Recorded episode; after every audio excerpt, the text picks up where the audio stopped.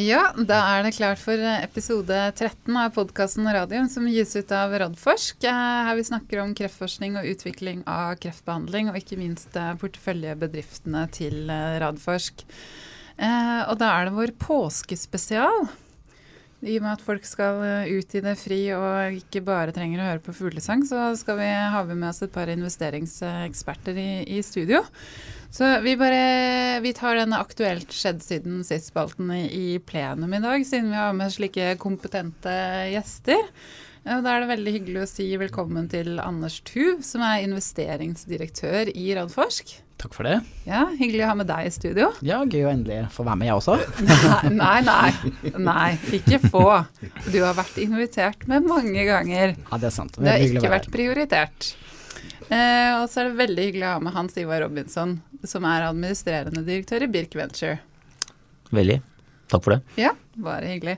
Skal vi se, Aktuelt skjedd siden sist. Eh, Foodtucure kom ut med en melding i går, eh, Einarsson. Jeg begynner med deg, så kan du kan vi få inn ja. våre gjester etter hvert? Ja, de kom med en melding i går uh, ettermiddag. Uh, og sånn jeg leser den meldingen, så vet vi at vi har hatt det oppe gjentatte ganger at vi har ventet på avtaler for uh, Sevira og.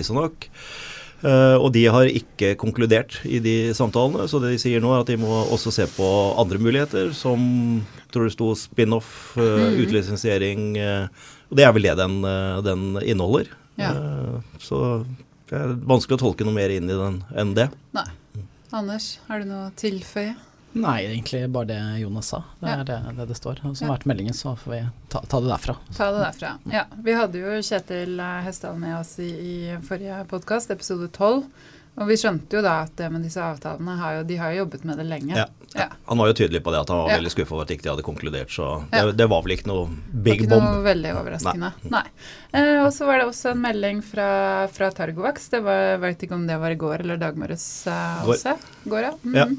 ja. det var en, eh, en mm. melding som vi vel hadde trodd skulle komme, at uh, abstrakte på ASKO er uh, godtatt. Mm. Uh, og det er Da vet vi at det kommer nye data som blir presentert uh, Eh, på ASKO i juni. Eh, og, ja, og, datoene fremover for de som er veldig nysgjerrige, er 20. Mm. Eh, april. Da får man tittelen på abstrakte. Da vet man hva det dreier seg om. Men mm. vi vet at det dreier seg om kliniske data fra TG01-studien. Det står jo i, i pressemeldingen. Mm.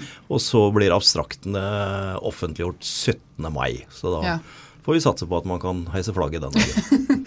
vi heiser flagget uansett, tror jeg vi sier, men ja, fra ja, det. Stemmer det. Ja. Jeg heiser det 17. juni, jeg vet på Islands nasjonaldag. Ja, ja, ja. Du er en av de, du. Um, ja.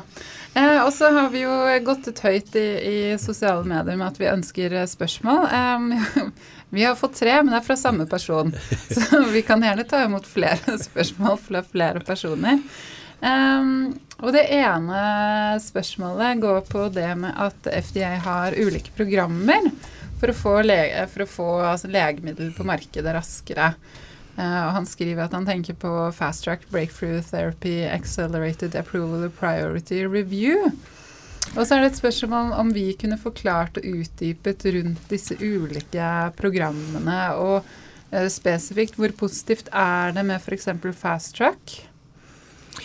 Ja, er, Se på deg først, Einar. Ja, dette, det, dette, er veldig komplisert. Det er forskjellige programmer i uh, Europa og under EMEA, og det er forskjellige programmer uh, under FDA.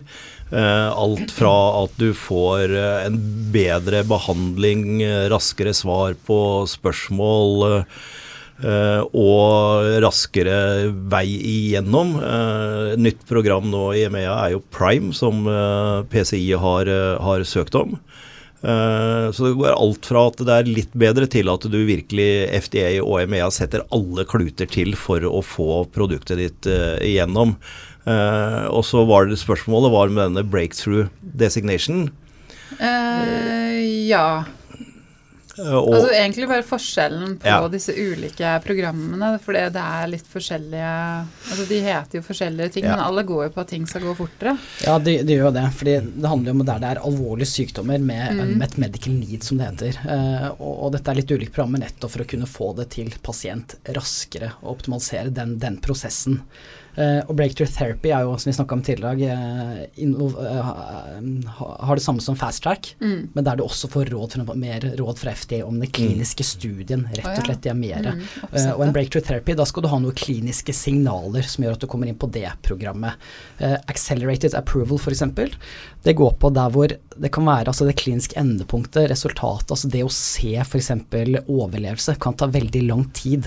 Mm. Men der kan FDA godta sånn surrogatmarkør, som det heter, som har klarer mm. å se immunmarkør eller andre signaler som kan gi indikasjon på en klinisk effekt mm. um, til slutt. Så det er ulike programmer for å ivareta dette her. Uh, og sammen med priority review er jo der du har produkter med veldig gode resultater, og at man da kan redusere den godkjenningsfasen, den siste godkjenningsfasen i FDA, mm. som ofte kan ta rundt ti måneder, og da er det et mål om seks måneder hvis ja, du er på priority review. Så det er som mm. du sier, det er alvorlige sykdommer med, med, stort medisinsk behov, så handler det om å optimalisere prosessen, gjøre det raskere, man får tettere interaksjon med, med FDA, så, så, den type fordeler. Mm. Litt enklere oppfølging. Mm. mm. Du blir spesialbehandla, rett og slett? Ja, du får litt annen, annen type opp, oppfølging, ja. eh, rett og slett. Skreddersydd prosess egentlig for å få det raskest mulig frem. Og det handler jo om pasientnytte, mm. rett og slett. Så, så, den første er fast track, som sagt. Breakthrough. Da skal du ha kliniske signaler. Accelerate gå på dette med andre markører som kan gi, vise at medisin faktisk vil, vil virke til slutt. da. Mm. Men får du breakthrough therapy assignment, så mm. vil du også få uh, fast track. Så det er på en måte en slags all, in, all inclusive ja, løsning. Mm. Er, uh... Sett litt sånn fra investorsiden så er jo dette en validering av det kliniske programmet til selskapene. At jo på en måte jo, jo, bedre program de kommer inn i, jo mer tror de regulatoriske myndighetene at det er viktig å bringe dette produktet ut til pasienter som har unmet medical need. Så det er en slags validering man kan vektlegge litt når man gjør det kompliserte bildet og ser om hva man tror om selskapet. Ja, og så er det også spennende akkurat disse, disse programmene innenfor immunterapien, hvor du mm. nettopp det, når du bruker immun, immunforsvaret, kan få andre sånne type surrogatmarkører som vi snakker snakker om, kan si mm. på immunresponser og andre markører ja, som kan fortelle noe uh, i en tidligere fase enn kanskje mm. tidligere. Så, så dette er i ekstrem utvikling. Og vi mm. ser at de regulatoriske myndighetene er enda mer på for å optimalisere og, og, se annen type data også uh, så, uh, i disse prosessene. Men det blir jo utrolig viktig for selskapet å kunne få det hvis de har muligheten. For det betyr jo kortere tidslinjer. Det betyr mindre pasienter i studiene sannsynligvis. Og mindre kostnader å få produktet helt fram til pasienten. Så det er noe man vil gå absolutt, for absolutt. Som, et, eh, som et selskap. En stor fordel. Så bra. Um, spørsmål nummer to um, går på Nordic nanovektor, men der har vi snakka litt sammen uh, før vi kom hit. Og det, akkurat det spørsmålet er veldig selskapsspesifikt, så der vil jeg bare oppfordre uh, Jon Olve Johnsen som har sendt inn dette her, til å ta kontakt med, med Nordic akkurat på den, på den biten der. Og så er det et siste spørsmål som vi faktisk er litt i tvil om, men jeg, jeg kan lese det om, så kan vi ta diskusjonene her. Eh, hvis to medisiner er godkjent, vil en kombinasjon av disse i en behandling da kreve like mye klinisk utprøvning? Ja, vi, vi diskutert det litt, uh, mm. og jeg tror svaret er at det er veldig komplisert. Fordi at uh, hvis begge er godkjent og har markedsføringstillatelse, mm. så kan jo i utgangspunktet en kliniker benytte det i kombinasjon, altså en lege. Ja, er det, det, da er det godkjent begge to, og det ja. gjør jo vi leger ofte. Vi kombinerer jo medikamenter. Mm. Men hvis du skal ha det godkjent som en kombinasjonsbehandling, som på en måte et felles produkt, så stilles det andre krav. Men hvilke krav? Vi må vise at det er ikke farlig å bruke sammen. Vise at det er bedre effekt eh, enn hver for seg når du bruker det sammen. Mm. Det vil være et case to case hvor selskapet må eh, gå i dialog med de regulatoriske myndighetene. Sånn mm. at det er umulig å gi et konkret svar på det blir avhengig av selskapet, av kliniske studien, produktet. Ja. Ganske relativt, man. Ja, ja, ja. Mm. Du? Er det noe Nei, det er ikke så mye å legge til. Altså, det er mange, mange, faktorer i det. Det kan være eh, mekanismene på produktene, det kan være eh, mange, mange ting egentlig. Så det er et komplisert bilde. Så. Det man kan si da, Når begge produktene er godkjente, så har man jo i utgangspunktet mye safety-data, mye effekt-data. Ja. Mm. Men så må man jo vise hvordan disse dataene også blir ikke i kombinasjon ja. med de to produktene. Og det er det ja, man da må vurdere fra case to case. Mm. Nettopp. Eh, da tror jeg vi skal gå over til, eh, til, dagens tema, som er mer eh, investeringer. Og jeg tenker vi må, vi må høre litt mer om, om Birk Venture og deg, Hans Ivar. Gjerne det. Ja. Jeg kan si litt om meg først, aller først. Jeg har jobbet ca. 25 år innenfor farmasi biotek. Og de siste syv årene med investeringer og oppstart av biotekselskaper. Før det så jobbet jeg i både i store og små farmaselskaper som AstraZeneca, Pfizer, Pharmacia, Pronova. Og etablerte Birk Venture her for ca. syv år siden. Mm. Og Birk Venture er jo et investeringsselskap innenfor life science, men har da et spesielt fokus på mer de rene, rene biotek, rene terapiselskapene. Mm. Uh, vi har da siden oppstarten i 2010 investert i ganske mange selskaper, og har i dag syv selskaper i porteføljen. Mm. De, fleste innenfor, de aller fleste innenfor onkologi. Mm. Eh, vi ønsker å ha et aktivt eierskap. Eh, I hvert fall i de fleste selskapene så går vi inn og ønsker å være med på å utvikle eh, selskapene. Mm. Har en langsiktig perspektiv. Det er aldri satt i sten, for det er aldri gitt hvordan utviklingen blir. Men utgangspunktet er at når vi investerer i et selskap, så er vi med i en tre til fem år, kanskje lenger enn det også. Mm. Og så er det veldig viktig, syns vi, å, å, jobbe tett med koinvestorer. Eh, og spesielt jobber vi mye med Radforsk. Mm. Eh, jeg tror det er viktig at nye selskaper får investorer som er langsiktige, som eh, jobber tett sammen og har en felles eh, strategi. Mm. Men Jeg kikka litt på nettsiden, og der står det også at dere har en litt sånn evergreen. fungerer det sånn at hvis dere tar exit og får ut penger, så investeres det i nye selskaper? Det er helt litt sånn riktig. samme setupen som Radforsk har? Det er helt riktig. Det er, et, mm. det er privat kapital. og Eh, ressurser og penger som blir eventuell exit, det går tilbake igjen til nye investeringer i nye selskaper. Mm. Spennende. Eh, Anders, spesielt du jobber jo veldig mye med, med Hans Ivar. Eh, husker, altså, når begynte dere å samarbeide, egentlig? Hvor, eh, skal vi tilbake til 2010, eller? Targovax. Targovax var vel det ja. første. Ja, 2011, ja. Slutten av 2011. Ja. 2011. Det funker greit, eller? Det, nei, det fungerer veldig bra, men det er For dagens ledende spørsmål. Det er vel både og. Nei da, det er veldig Det, vært, det, det har vært et veldig, veldig godt og, og, sterkt samarbeid, og det er flere grunner til at vi gjør det. Det ene er det åpenbare med å syndikere både eh, finansiell styrke, eh, mm. syndikere kompetanse. Uh, og gjennomføringskraft. For vi som vet også Radforsk er så veldig aktive eiere, så vi er jo mm. med å utvikle selskapene også operasjonelt. Mm. Men så tror jeg en annen ting som er veldig viktig med, med Birk og Hans Ivar, og det er litt han var inne på selv, i forhold til type investor. Ja. Eh, vi har nok ganske samme mindset eh, i forhold til mm. investeringshorisont, hvordan vi jobber, utvikler med selskapene, og hvordan vi tenker rundt, rundt utvikling generelt. Mm. Um, så, ja, vil det, det si at dere tenker helt likt?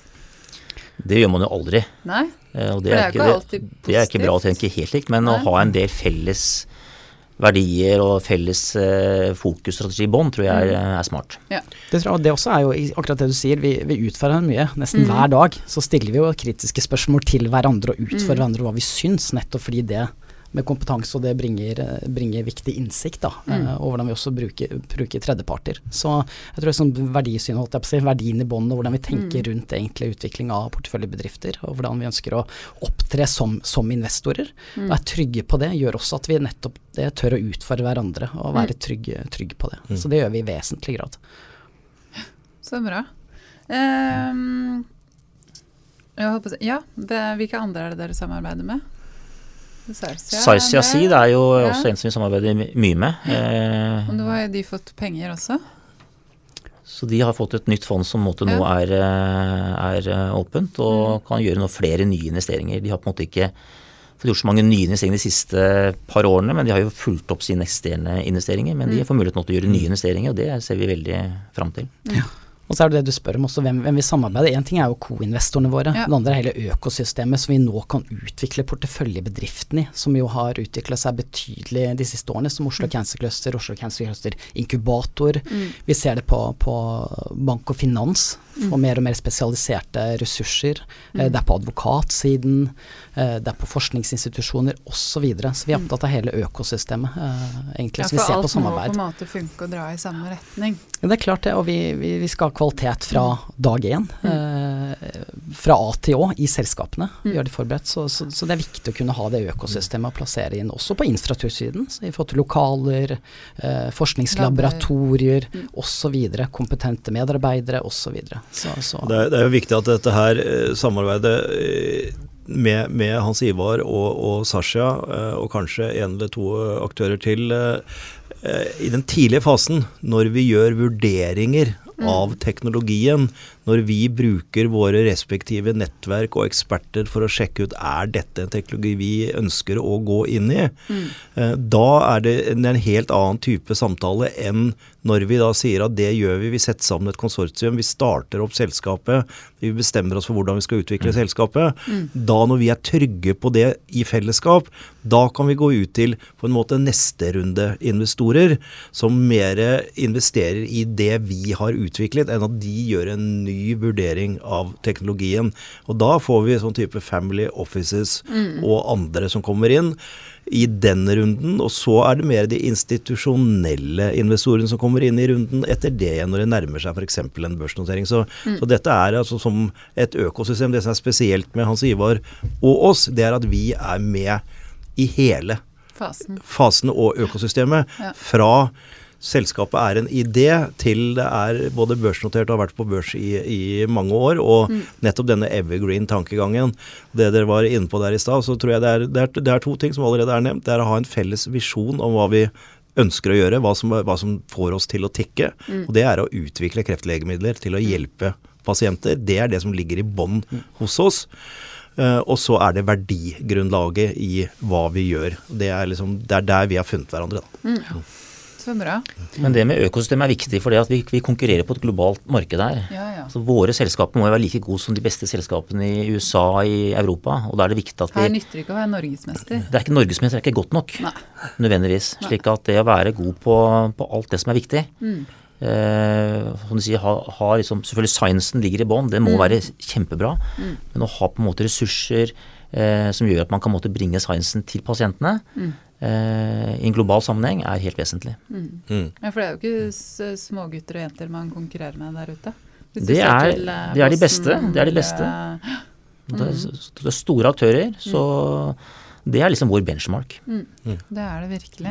Og så er det jo er viktig ja. for oss i Radforsk å få til partene vi jobber med å koinvestere i tidlig fase. For dette handler jo også ja. om uh, mye relasjoner, f.eks. Ja. Det er jo det som vi ofte sier, det er, det er ikke lenger sånn at vi indisenserer en kjemisk substans, og så kan vi snu oss og kutte snora til akademisk miljø og utvikle det hvor som helst i verden. Så vi har mye helt andre modeller for å utvikle som mye mer er i synergi og samarbeid med det akademiske miljøet, mm. også etter at vi har etablert selskapet. Mm. Til å finne gode modeller mot forskerne, f.eks., for er utrolig viktig. Mm. mm. Så da er nettopp dette med det vi snakker om nå, ekstremt viktig for å, for å lykkes med det. Mm. Um, du har en ganske lik portefølje som Radforsk. Um, du har et par selskaper som de ikke har. Uh, det er eh, Bergen Bio fra Bergen, og så er det Apim Therapeutics fra, fra Trondheim. Stemmer. Ja, um, fortell litt om altså Bergen Bio har vi for så vidt snakka mye om, fordi de mhm. er en del, eh, begge to er en del av Oslo Cancer Cluster, så vi kjenner det jo for så vidt godt. Men fortell litt om de selskapene, og, og hvorfor du gikk inn i dem. Nei, altså, altså Birk eh, og jeg, vi, vi, eh, vi investerer på en måte liksom på, over hele Norge. Det er ikke mm. sånn at vi bare fokuserer på på Oslo, Radforsk og de miljøene, selv om de miljøene er kjempegode. Så, mm. Sånn sett så, så, jobber vi også mot miljøene i Bergen i Trondheim. Eh, derfor så har det også blitt eh, et par investeringer på utsiden av, eh, av Oslo. Eh, og det er veldig gode miljøer der borte også. Mm, eh, I eh, Trondheim har jo da måte, gjennom Marit Otterlei og NTNU utviklet selskapet Apim mm. Therapeutics som er et uh, veldig spennende selskap med en helt ny teknologi innenfor, uh, innenfor, uh, innenfor kreft. og som måtte er klar til å gå inn i klinisk fase 1. Mm. har måtte, jobbet nå gjennom alle hindrene i preklinikken og mm. har greid det suksessfullt. Og hvis vi nå får finansiering på, plass der, så vil man kunne gå inn i klinikk allerede om innen, innen 2017. Mm. Det er spennende.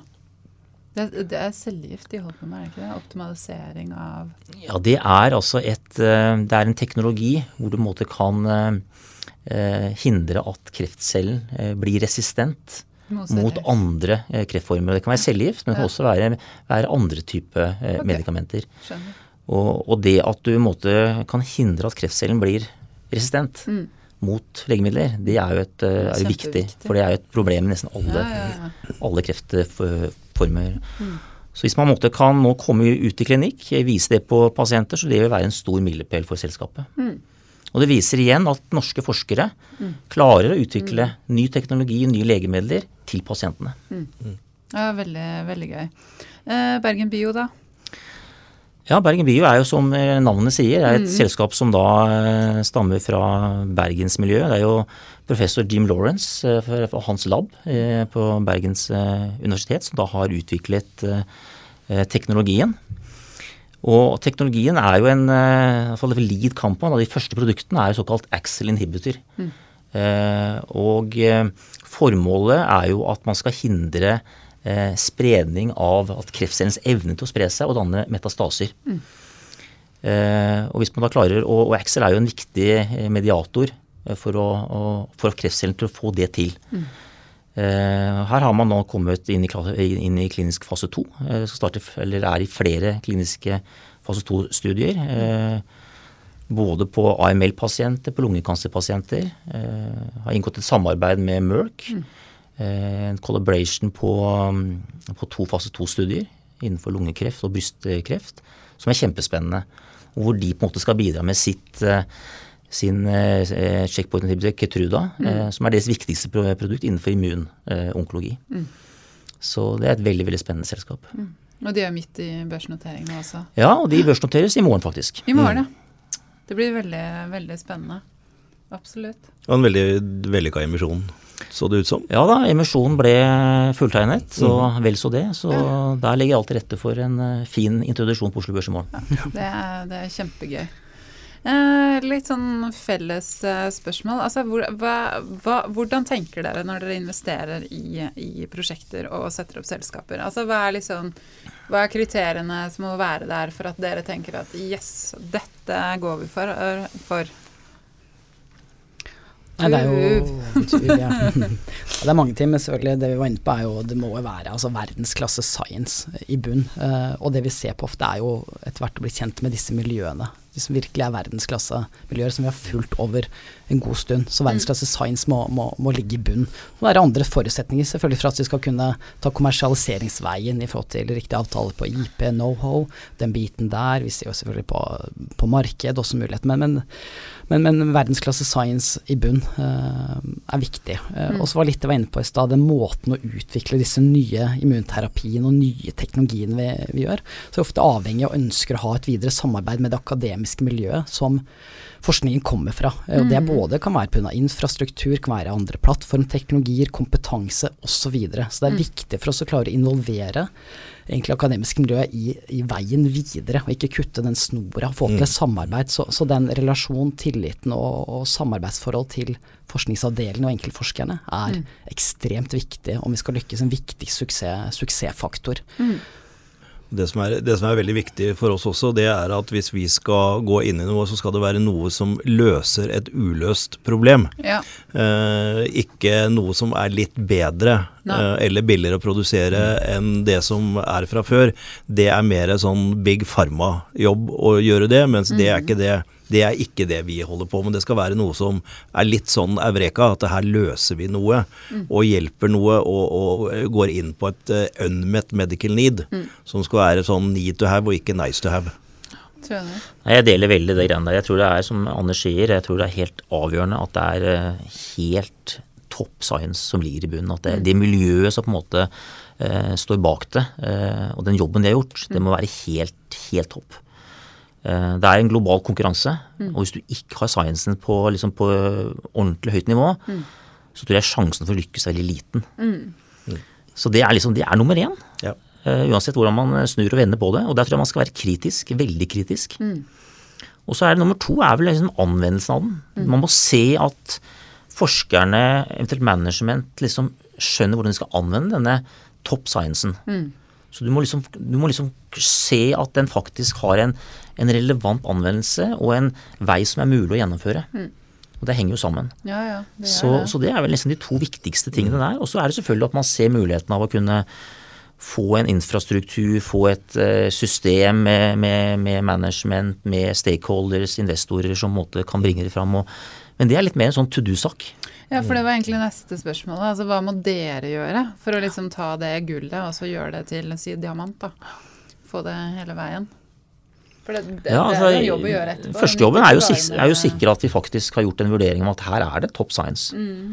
Og da må man jo stole på, på, at de personene, og liksom ha trygghet på at de personene som står bak det, eh, representerer det, det, de skal. Mm. Eh, og så kommer jo liksom vår kompetanse å bygge selskap. Mm. Eh, og vite hva er godt management. Mm. Og det er liksom, hva er godt management? Ja, altså det, det, Der skal du også ha en, en, en global benchmark, ikke sant. Mm. For det er ikke, det er ikke liksom bare gitt å se på en CV at her er en person som vil klare å dra teknologien og selskapet videre. Mm. Men det er mye av vår vurdering. er Å ja. vurdere om management er, er bra nok. Ja. Og til hvilken tid de skal liksom ha ulike typer kompetanser. Mm. Ja, så er det, er det, viktig å se også, og, og, være klar over, som jeg tror vi er, at det å utvikle et kreftlegemiddel, det er en særdeles dynamisk prosess. Mm. Vi har, vi tror Eh, vi mener vi har grunnlag for, fra preklinikk, fra andre ting, at dette kan faktisk fungere brukbart. Og så starter vi med fase 1-2-studiene. Mm. Så får vi sett er det riktig det vi tenkte i forhold til toksisitet og bivirkninger, at det er manageable og, og greit å ta seg av. Og så begynner vi å se litt på effektdata etter hvert. Og så må vi av og til si oi, her kom det noe nytt som var litt overraskende. Enten positivt eller negativt. Og så må vi legge om litt. Og da mm. kommer jeg med kjepphesten min med Nordic Nano-vektor-historien, mm -hmm. som plutselig ser at wow, den predoseringen er virkelig viktig. Her må vi ta et lite skritt til siden, og så skal vi lage noe som er bedre enn det vi trodde mm. det var. Og andre ganger så kan det være oi sann, her dukka det opp en bivirkning vi ikke hadde regna med. Da må vi gjøre en eller annen forandring i det kliniske programmet. Så det å være med å tolke disse, og være med å støtte managementet og si at ja, men vi utvikler det som skal bli det beste produktet, og ja. det er dynamisk. Ja. Og dette er vi på en måte litt vant til, at det er sånn det skal være. Ja, ja det tror jeg er utrolig viktig, det du, det du sier, Jonas. For du sier også kunnskapstilfanget innenfor mm. den bransjen du driver med, er helt enormt. Mm. Og det er voksent for hver dag. Og det å ha et management og en selskapsstruktur som gjør at man kan ta inn over seg disse nye dataene, nye teknologiene, altså det, det som skjer til enhver tid, tror jeg er utrolig viktig. For det er mye En ting er produktkandidaten og teknologien, men det hvordan du skal posisjonere det. Hvilke mm. utviklingsprogram. Det er jo både posisjonering, som da snakker vi om kombinasjonsterapier om dagen. Mm. Det er én ting, men også andre innfallsvinkler. Hvordan du skal posisjonere teknologien. Hvilke data er det du ønsker å kreere, hvilke typer mm. studier. Det er mm. mer og mer komplekst og viktigere. Også som vi snakka om til og med dette immunterapi, som jo er en verktøykasse. Du skal kombinere ting. Ja. Så, så, så, jeg tror å ha den dynamikken å være in the forefront, da, som vi ofte bruker, og kunne Eh, observere og se den kunnskapstilfanget og kunne utnytte og gjøre de vurderingene. En, en, sånn type management og selskapsstruktur tror jeg er utrolig viktig å ha. Så det er disse nye typer selskapene. Det er litt annerledes. Mm. Så, vi, vi, har vel en tendens til at vi nå prøver å stæfe opp selskapene med sånn type kompetanse enda tidligere. Ja. Nettopp for å sikre seg at man gjør de, får de riktige planene på et tidligere tidspunkt og sparer utviklingstid på det. Mm, ja, for tida, tida, er veldig viktig. Eh, dere holder på å sette opp et nytt eh, selskap, Seluna. Vi snakker litt om det. Jeg vet, ja. at dere to er veldig glad for å holde ting under radaren. Før det liksom er veldig vondt. Kanskje, kanskje noen ganger litt overmoden. Ja, ja, nei da. Sånn er det. Nei, men Seluna har vi jo jobba med lenge, for så vidt. Ja, og selskapet ble jo formelt etablert som et aksjeselskap i ja, sommeren i fjor. Og et selskap jeg og Hans Ivar har jobba veldig mye, med over lang tid, som vi har stor tro på. Som og til og med som, fått eh, BIA-støtte?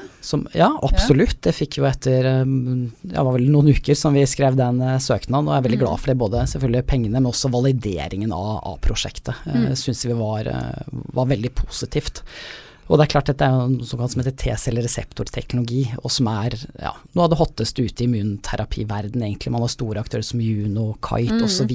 som jo har gjort uh, voldsomme IPOs og satsinger inn på dette feltet. Mm. Uh, og så er det litt annerledes med vårt selskap, fordi vi har T-cellereseptorer som er henta fra langtidsoverlevere. Det var terapeutiske kreftvaksinestudier på midten av 90-tallet og 2000-tallet. Mm. Og man da har sett at man har fått noen superoverlevere. Så vi har da rett og slett henta fra biobankmateriale humane T-cellereseptorer. Det betyr at disse cellene har sirkulert i kroppen i over ti år. Så man har da forhåpninger i å få til en safety-profil.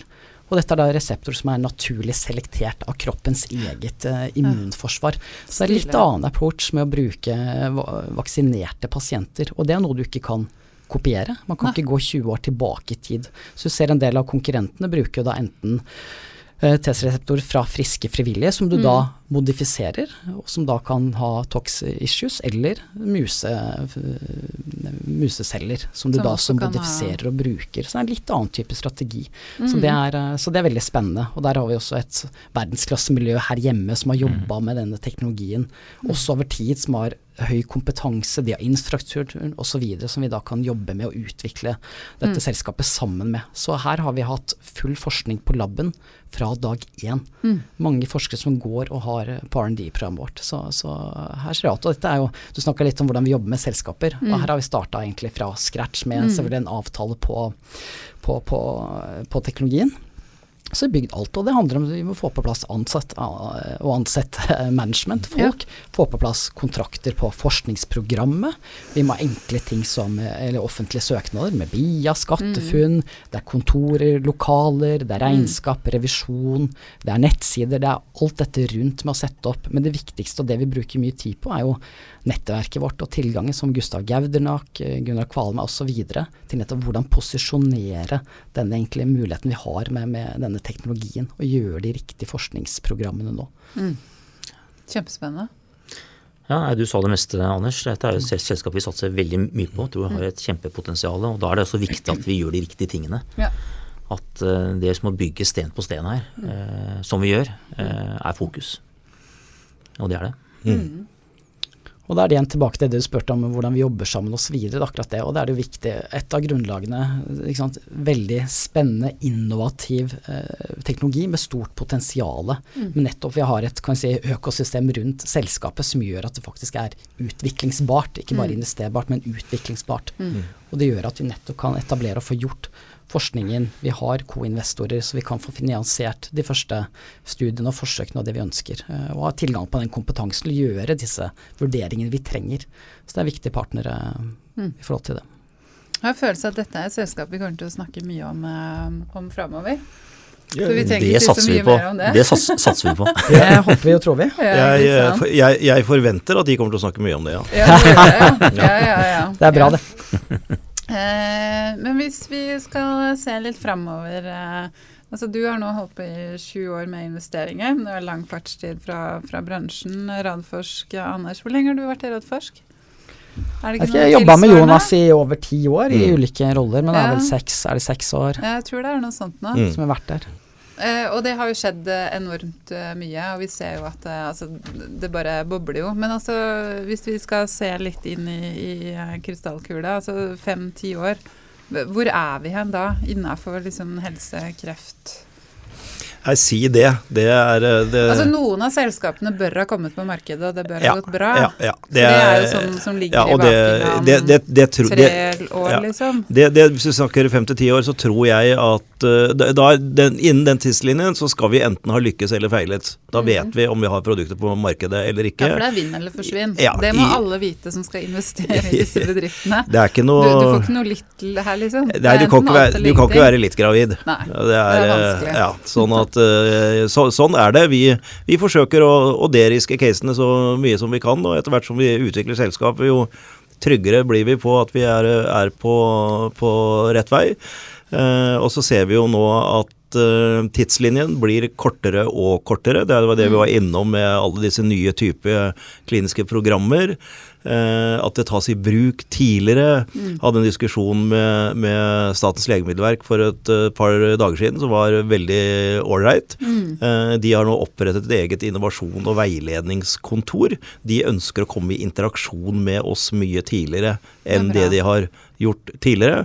Som uh, Akselsen som leder det kontoret sa i det møtet, at vi har jo en veiledningsplikt. Mm. Hvorfor jeg repliserte at det var bedre om dere hadde hatt en veiledningslyst. Men hvis dere er på vei dit, så er det, er det veldig hyggelig. Jeg er protestantisk land, vet du. Det er mye plikt. Nei, men, men, men det er altså, så, så, vi vet ikke. Men, det, men det, det jeg tror, er at vi er med på å behandle kreftpasienter, er med på masse forskjellige typer kombinasjonsbehandlinger, og at vi ser at vi er på vei mot målet om å, at det faktisk er mulig å gjøre kreft i stor grad til en kronisk håndbar sykdom. Mm. Og det er eh, Eh, Øystein Saug i Targovaks bruker ofte det eksempelet, og det er mm. godt med sammenligne med, med hiv-aids. Ja. En totalt dødelig sykdom. Ja. Så kom det én medisin som gjorde at man levde litt lenger. Mm. Så kom det én til som gjorde at man levde litt lenger, og til slutt mm. så sitter man igjen med en cocktail av forskjellige måter å angripe dette viruset på, hvorfor nå de holder viruset i sjakk. Du lever med det som en kronisk sykdom, men mm. du merker ikke at du har sykdommen. Nei. Og det er litt sånn når jeg sier at kreft kan bli en kronisk sykdom, mm. så betyr det at du antagelig antagelig kanskje har en liten svulst her eller en liten svulst der, eller det er mm. kreftceller i blodet ditt, men du lever et normalt liv. Så jeg, det er liksom min, min drøm, da, siden vi har snakka om 60-årsdagen min her, så før jeg går av med pensjon, så vil jeg gjerne se at vi, vi nærmer oss det der. Ja. Mm. Så, så, tror jeg at det er ganske klare tegn på at vi, vi kommer til å få en sektor industri som er økende. Hvor stor den mm. blir, det er jo et, alltid et spørsmål. men at industrien og sektoren er større om fem til ti år enn i dag, det tror jeg veldig mange tror, og at sannsynligheten er stor for det. At det blir flere selskaper, det blir større selskaper, det blir flere produkter som nærmer seg markedet. Mm. Så, så, så, da snakker du om at det kan vi få til her? Det kan vi få til her, sånn. Ja. Absolutt. Ja.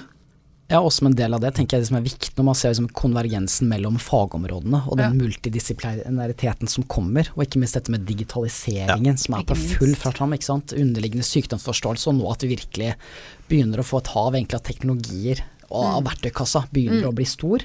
Og vi ser jo nå rekke kliniske resultater som er, som er, veldig lovende. Så vi er jo virkelig på vei mot noe. Og, og som sikkert dere har snakka om i podkasten flere ganger, med, med checkpointene som det første ja, ja. Rekka, og det vi ser nå i disse kombinasjonene, så, så er, har vi jo veldig stor tro på at ja. det virkelig er på rett vei. Det tar litt tid, men uh, Det er ikke bare selve den industrien med å lage de nye Eh, immunterapimidlene, men det er også hvordan skal vi følge pasientene når de lever med denne kroniske sykdommen. Mm. Hvordan skal vi se at det er i orden, at det er likevekt mellom immunsystemet og kreftcellene. Mm. Gammeldags billeddiagnostikk med en vanlig sett eh, CT eller, eller MR, mm. det er ikke godt nok lenger. Det må videreutvikles. Mm. Og det skal vi være med på. Uh, og så er det med patologien som skal gå fra at det sitter en lege og ser inni et mikroskop og beskriver det han ser, mm. til at vi har avanserte programmer, og det er tilbake til Hård Danielsen, Dumor, ikke sant. Mm. Det vil være her, og alt dette skal vi være med å koble sammen. Og immunterapi vil også liksom spre seg. Også, det er ikke bare onkologi. Det vil også være innenfor andre ja, ja. typer sykdommer. Eh, autoimmune sykdommer, MS, eh, RA, andre, andre autoimmune sykdommer. slik at det det vi har sett innenfor onkologi, kommer tilbake til å bli enda større, og også mm. innenfor andre områder. Mm. Ja, og Det er, det, det er besnærende tanke. Det er det er morsomt å være en del av dette miljøet, hvor du får all den inputen, og hvor folk mm. tenker litt lange og, og, og, og litt hårete tanker. Eh, så kan man også si at eh, hva er den andre store utfordringen for helsevesenet fremover? Jo, det mm. er multiresistente bakterier. Mm. Og så jobber vi med å finne nye typer antibiotika, og det skal vi gjøre. Men kan man tenke seg at grunnen til at folk dør av en infeksjonssykdom, er at immunsystemet ikke handler den. Med all den viten vi får nå om immunsystemet, kan vi hjelpe immunsystemet mm. til å ta knekken på disse bakteriene uten at vi angriper bakteriene. Mm. Akkurat samme tankegang som ja, vi gjør med kreft. Ja. Vi angriper ikke kreftcellene. En ekte immunterapi den gjør ingenting med kreften. Den gjør noe med immunsystemet, og kan man tenke seg at det kan skje innenfor det? Kanskje. Kanskje. Tiden, tiden vil vise. Eh, vi snakket, du, du, nevnte fint stikkord her, Hans Ivar, med, med, at man bygger en, en, hva skal man kalle en helseindustri rett og slett her, her til lands. Eh, det er ganske høyt oppe på den politiske agendaen. I år er det jo valg eh, også. Men altså hvis man skulle sette opp en litt sånn ønskeliste fra, fra myndighetene for å bygge denne industrien, hva, hva ville stått øverst på din liste? Jeg vil jo si at det å gjøre mer av det man gjør, er for én ting. Mm. For jeg jeg syns jo at mange av de til... ja, Hva gjør de da? Nei, altså forskning, Det er mye forskningsstøtte. Ja, Forskningsråd, Innovasjon Norge. Og jeg tror mange av de prosjektene som eh, man har der, kommer direkte til nytte i selskapene. Det ser vi helt klart. Mm. Eh, og det kan man gjøre enda mer. Så enda Enda mer fornye, enda mer BIA. Sånn type ting er helt åpenbart positivt. Uh, og vi ser i mange av våre selskaper så er vi helt avhengig av det, særlig i mm. startfasen. Mm. Uten at man får en, en god uh, public funding, så er det vanskelig. Mm. Uh, så der tror jeg man har mer å gå på for å sikre ikke bare industri, men at pasientene får behandling. Og det, men det er viktig at du ser en virkemiddelapparat, for det er faktisk veldig bra. F.eks. BIA-programmet som du er inne på. Og vi mm. ser jo det at vi har en vesentlig, ofte opp mot 50 eh, offentlig eh, avlastning. Ja, Tilfast, de gode, og de gode prosjektene våre, de, de, de får det, altså. Ja. Så det har vært eh, For de som ikke kjenner programmet, så dette er et program i Forskningsrådet. Nærings- og innovasjonsdivisjonen, brukerstyrt innovasjonsarena. Og da selger jo alle sender inn søknader der. ikke sant? Det er ikke sektorvis i det hele tatt. Nei. Men det man har sett over en årrekke, er jo nettopp det at, at våre selskaper, altså innenfor kreft, de, de, får penger derfra. De gjør det. det er jo kjempemange som får hvert år, altså i hvert fall en fem stykker av en 50-ish mm. eh, prosjekter. Jeg tror samtlige våre porteføljeselskaper har hatt ett eller flere BIA-prosjekter. Så det er, særdeles godt. Et ja, det, er, det er, nesten litt sånn at det forventer vi. Ja. Hvis, vi mm -hmm. hvis vi ikke, når selskapene våre får data, hvis ikke de blir publisert på store, tunge konferanser. Ja. Og hvis vi ikke får god uttelling på offentlig støtte, så må mm. vi tenke oss om at ja. er det er det rette prosjektet greia. vi har valgt. Så for oss er det litt sånn Vi forventer det. Mm. Og det er et, på en måte et sånn, om ikke bevis, så en validering på at vi har valgt det riktige. Men det er viktig da at, at politikere og myndigheter støtter opp om det. Mm. og og kanskje utvider det. fordi at det, er et, det prosjektet er et veldig, veldig bra prosjekt. Ja. Eh, som direkte eh, hjelper utviklingen av spennende nybiotekselskaper. Ja, for du får jo støtte på en 15 mill. over en tre-fire år. Så ja, det er jo så, ja. bra. Mm. Ah, andre ting, Tuv? Hvis du skulle vært uh, næringsminister for en dag? Nei, men jeg har en litt annen innfallsvinkel. Eller jeg er veldig enig i det Hans Ivar sier, og så er jeg samtidig en litt annen innfallsvinkel. For du ser jo fra til både Danmark, Sverige og Norge som setter gjennom life science-sektoren sin, helsenæringen. Mm. Ja. Og så er det jo veldig mye handlingsplaner, og det er mye mm. gode tiltak. Så jeg tror ikke det er problem å finne de gode tiltakene. Men jeg tror litt på hastigheten i det tror jeg er veldig viktig. Det kunne, og det bør vi også som et ikke veldig stort land. Det å ja. kunne ha tette koblinger, raske koblinger. Akkurat som snakke om at selskapene må være gode, ligge i front på det mm. nye kunnskapstilfanget. Mm. Som virkemiddelapparatet, politiske, hele systemet. Mm. Støtte opp under å være mm. dynamisk. Og det har vi sett for Forskningsrådet har blitt veldig gode på å tilrettelegge det på en, på en helt annen måte. og så tror jeg veldig på det her mellom koblinger mellom næringer. Mm. Ulike ting. Vi ser ned IT og biotek mm. som er i ferd med å smelte sammen. Og Der har vi sterke IT-miljøer i Norge også. Mm. Og det å klare å gjøre de koblingene gode. Mm. Og det ser vi bl.a. gjennom klyngeorganisasjonen osv. Mm. Så, så, så, er tilgangen der, og vi jobber mye med det akkurat nå. Så, mm. jeg tror veldig på dette med hastighet. altså Vi har ja. sagt flere ganger i dag, vi er en global konkurranse. Jeg tror vi har mye verdensklasse ja. assets. Vi må ikke glemme at vi, altså hastighet er, er viktig. Men så ikke, spiller ikke penger en dimensjon der, da? Tid er penger? Jo, absolutt. Og det er jo det vi ser også nå med der vi er i dag. Selskapene vi starter nå, mm. ved en helt annen mulighet til å finansiere det riktig fra dag én. Mm. Til å pakkettere riktig teknologibase, til å gjøre de riktige forsøkene, til mm. å kjøre ambisiøst nok og riktig til å få de, de, viktige og riktige dataene så fort som mulig. Mm. Så, så, så, det er en stor utvikling, i hvert fall mm. vi har sett i, i Radforsk. Muligheten til å gjøre det, og oppkapitalisere. Mm i, i tidlig fase raskt nok og godt mm. nok til å gi selskapet det egentlig handlingsrommet som er, vi egentlig trenger for å være en global konkurranse. Mm. Yes. Jeg tenkte jeg skulle avrunde med lite, lite spørsmål, kanskje stort. Eh, hvilke råd vil dere gi til andre som ønsker på en måte å begynne å investere i denne bransjen? Nå tenker jeg ikke kun kanskje altså Børsnotert er én ting, men andre som ønsker å på en måte gå inn? Hva, hva, må man tenke på? Må man ha en doktorgrad? Nei, svaret er nei til det. det, det altså, fordi jeg tror at det å sette seg inn i hver enkelt teknologi mm. er veldig vanskelig selv med doktorgrad. Ja.